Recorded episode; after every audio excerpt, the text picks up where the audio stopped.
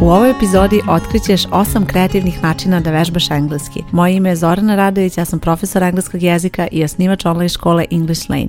Ovo što slušaš je English Lane podcast gdje pričamo o korisnim savjetima i lekcijama za učenje engleskog jezika. Sada slušaš epizodu broj 135 i u ovoj epizodi otkrićeš 8 kreativnih načina koji će ti pomoći da vežbaš engleski jezik. Za učenje engleskog jezika veoma je važna gramatika i nove reči koje ćeš učiti u okviru programa, odnosno nekog kursa koji pohađaš,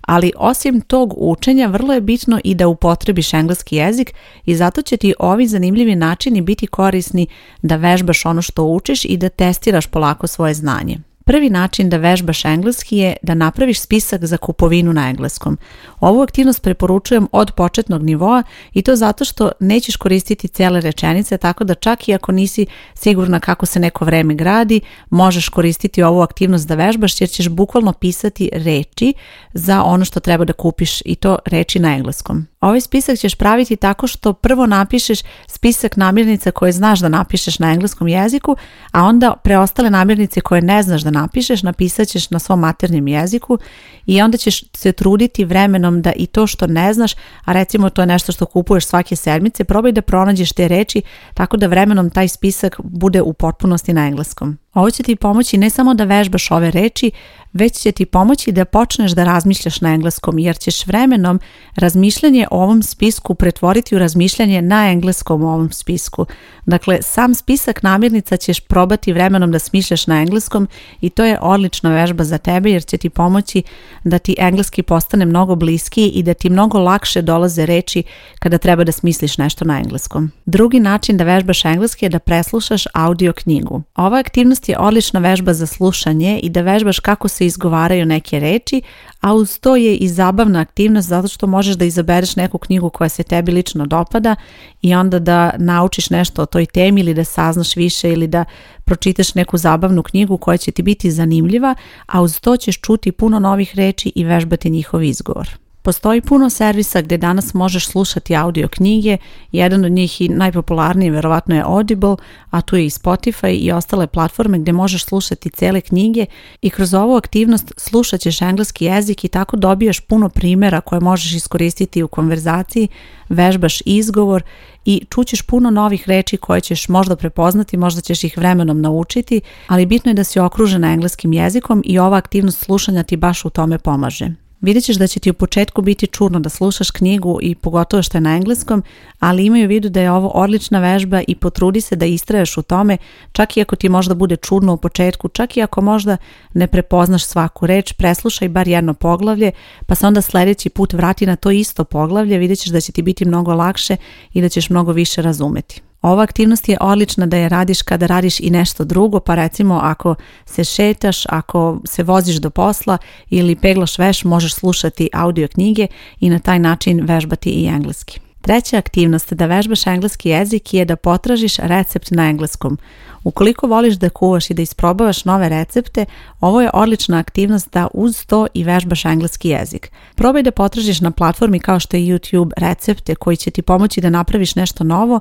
a uz to potraži recepte koji su na engleskom jer ćeš na taj način i vežbati engleski, pre svega razumevanje, da razumeš instrukcije koje dobijaš u tom videu, a vremenom ćeš i naučiti puno novih reči jer u okviru tih recepata ćeš vidjeti razne neke termine koje su ti možda bili ne prepoznati, ali vremenom ćeš naučiti i njihovo značenje. Dobra stvar kada je u pitanju video za recept na engleskom je ta što ćeš vidjeti kako se nešto sprema i vidjet ćeš koji se sastojci koriste, tako da čak i ako ne razumeš neku reč, vidjet ćeš i zaključit ćeš iz samog videa šta treba da upotrebiš, dolazimo do četvrtog načina da vežbaš engleski, a to je da napišeš email na engleskom. Kada je u pitanju ova aktivnost, vežbaćeš pisanje i vežbaćeš sve ono što znaš kada je u pitanju engleski jezik, a tema emaila može biti raznovrsna, znači može biti poslovni email, može biti email sa putovanja, može biti email sa nekim instrukcijama kako doći negde i tako dalje. Bitno je da pišeš na engleskom i zamisli da se obraćaš nekom nekoj osobi zamisli da želiš nešto konkretno da kažeš, da odgovoriš na neko pitanje i probaj da to napišeš u formi jednog e-maila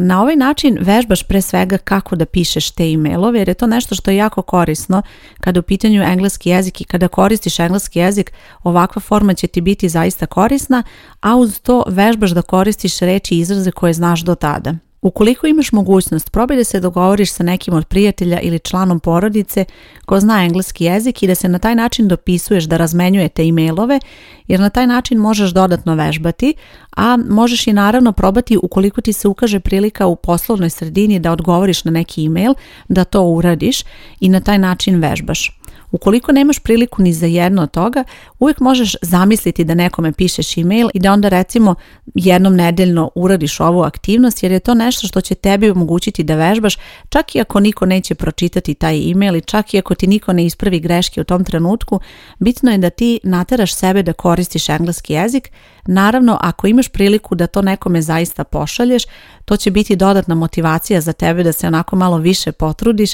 i da se zaista fokusiraš da to bude što bolje napisano i vrlo je važno da koristiš samo ono što znaš, da ne koristiš nikakvu pomoć, dakle nemoj koristiti rečnik ili recimo alat kao što je Google Translate i da onda napišeš email na maternjem jeziku, prevedeš ga, provereš da li je to u redu i onda to je kao napisan email jer to nije poenta ovog zadatka, Poenta je da pišeš ono što znaš i koliko znaš i ne moraš imati nikakav talenat za pisanje. Bitno je da napišeš ono što želiš na engleskom koristeći sve naučeno do tada. Sljedeća aktivnost da vežbaš engleski jezik je da naučiš po jednu reč svakog dana i dovoljno ti je da imaš neko blokče, posebno onu koje se lepi i zadaj sebi zadatak i jedan cilj da naučiš po jednu reč svakoga dana. Znam da možda deluje to malo, možeš da naučiš možda i više reći, ali vrlo često ćeš doći u situaciju, posebno kako napreduješ sa učenjem engleskog jezika, da ne učiš dovoljno reći i da često možeš za sebe da kažeš da recimo znaš puno toga, ali nemaš dovoljan fond reći ili želiš da kažeš nešto, ali jednostavno ne dolaze ti prave reći. Zato je bitno da učiš reći konstantno i da stalno imaš neku aktivnost koja će ti u tome pomoći da redovno vežbaš reći, makar to bila i jedna reč dnevno. Uzmi blokče i napiši svaki dan po jednu reč i osim što ćeš naučiti tu reč, znači bitno je da naučiš kako se ta reč čita, bitno je da naučiš šta ta reč znači i idealno bi bilo da napišeš jednu rečenicu gdje ćeš upotrebiti tu reč. Ovo je odličan način za vežbu jer učiš i značenje i izgovor i upotrebu jedne reči, a to je sve što je potrebno kada učiš reči, znači nije dovoljno samo naučiti izgovor, nije dovoljno samo naučiti značenje, već sva tri zajedno i izgovor i značenje i upotrebu. E sad kada su u pitanju ideje koje reći da učiš, možeš samostalno napraviti neki spisak koji će biti e, nešto što tebe interesuje. Recimo, ako se baviš medicinom i potreban ti engleski jezik, to će možda biti spisak neke terminologije koju želiš da naučiš ili recimo možeš potražiti već napravljene spiskove. Ja na mom blogu imam već trenutno spisak e, engleskog za početnike gdje postoji veliki broj reči koje treba da naučiš na početnom nivou, a imam i spisak frazalnih glagola, tako da to su recimo neki spiskovi koje možeš koristiti da učiš engleski na ovaj način, a možeš napraviti naravno i neki svoj spisak, nešto što će tebi biti korisno, da učiš vremenom. Recimo možeš potražiti reč na maternem jeziku pa onda u dvojezičnom rečniku potražiti reč na engleskom i onda zatim dalje učiti tu reč kroz jednojezični rečnik. Iako možda deluje malo naučiti jednu reč u toku dana, imaju u vidu da je ovo aktivnost za koju će ti biti potrebno jako malo vremena, ali će značiti puno za tvoj engleski. Dakle, ovo je nešto što možeš uraditi čak i ako imaš jako malo vremena za učenje ali pomoći će ti pre svega da ostaneš u kontaktu sa engleskim jezikom i da stalno učiš nešto. To je prva stvar, a druga stvar imaju u vidu da jedna reč dnevno znači oko 30 reči mesečno i preko 300 reči godišnje. Tako da ako ovo uradiš i ako stalno učiš ovakve reči i naravno uz to učiš engleski na još neki način, učiš recimo na kursu, učiš gramatiku i tako dalje, sve je ovo nešto što će ti veoma značiti kada je u pitanju tvoja sigurnost i pre svega fond reči zato što će imati odličan uticaj na to i pomoći će ti da imaš veći fond reči, da poboljšaš način na koji se izražavaš i da onda sve to možeš da upotrebiš. Dolazimo do šestog kreativnog načina da vežbaš engleski i u pitanju je igra reči. Meni se jako dopada ova aktivnost jer te natera da razmišljaš na engleskom, a sada ću ti objasniti i kako to izgleda. Vidjet ćeš da je vrlo jednostavno nešto što možeš samostalno uraditi i opet ti ne treba puno vremena i nikakva priprema. Potreban ti je samo jedan papir i olovka i napisat ćeš jednu reč na engleskom. Na ovoj stranici na kojoj slušaš podcast ja ću ostaviti spisak od nekoliko reči koje mogu da ti budu inspiracija i onda ćeš kroz to vidjeti kako možeš da vežbaš. Dakle, uzet ću na primjer reč responsibility, odgovornost i napisat ćeš tu reč na engleskom. Sada je tvoj zadatak da na svako slovo u toj reči, znači pojedinačno slovo, napišeš još jednu reč na engleskom tako što ćeš probati da se setiš tih reči. Kada napišeš reč responsibility, vidjet ćeš da je prvo slovo R i probat ćeš da napišeš neku reč na to slovo. Drugo slovo je slovo E, onda ćeš probati da napišeš neku reč na engleskom na to slovo. I tako redom ćeš pisati i to je nešto što će ti pomoći da smišljaš reči na engleskom i da na taj način vežbaš. Ova aktivnost ti pre svega pomaže da razmišljaš na engleskom, ali osim toga pomaže ti da vežbaš reči na engleskom i da probaš da ih se setiš i da ne bude da recimo naučiš jednu reč pa je vrlo brzo zaboraviš, već kroz ovu aktivnost pokušavaš da se setiš svih reči koje znaš, to je kao da igraš na slovo na slovo na engleskom i na ovaj način pokušavaš da aktiviraš svoje znanje i ne samo to, vežbaćeš i pisanje zato što ćeš se truditi da pravilno napišeš sve reči. Sljedeća aktivnost da vežbaš engleski je da probaš da odglumiš način na koji neko priča, naravno na engleskom, i probaj da ovo recimo iskoristiš kao aktivnost da vežbaš svoju sigurnost na engleskom. Dakle, slušat ćeš recimo neki intervju ili slušat ćeš neki dijalog u filmu, nešto na engleskom i onda ćeš probati da odglumiš način na koji neko priča i posebno ako osoba ima neki specifičan akcenat ili prosto način na koji priča, probaj da odglumiš to i da naravno uz to izgovoriš reči na način na koji osoba to izgovara. Znam da neće svima možda odgovarati ova aktivnost i nije svima možda zanimljiva, ali veruj mi da ukoliko si otvorena osoba i voliš da glumiš, ovo će ti biti zanimljiv način da provežbaš engleski i da prosto imaš neki model kako želiš da pričaš i kako se možeš truditi da pričaš na engleskom. Uz to, kada koristiš ovu aktivnost i kada želiš da imitiraš nekoga, ti moraš da budeš apsolutno sigurna kako se izgovara neka reč. Moraš pažljivo da se trudiš da čuješ šta ta osoba izgovara, kako to izgovara i onda ako možeš to tako lepo da ponoviš, to će ti pomoći zaista da i tvoj izgovor bude u skladu sa tim što čuješ. I dolazimo do posljednje aktivnosti za vežbu, a to je da preslušaš pesmu na engleskom i da probaš da zapišeš tekst pesme. Ova aktivnost opet ti pomaže da vežbaš slušanje, ali ujedno i pisanje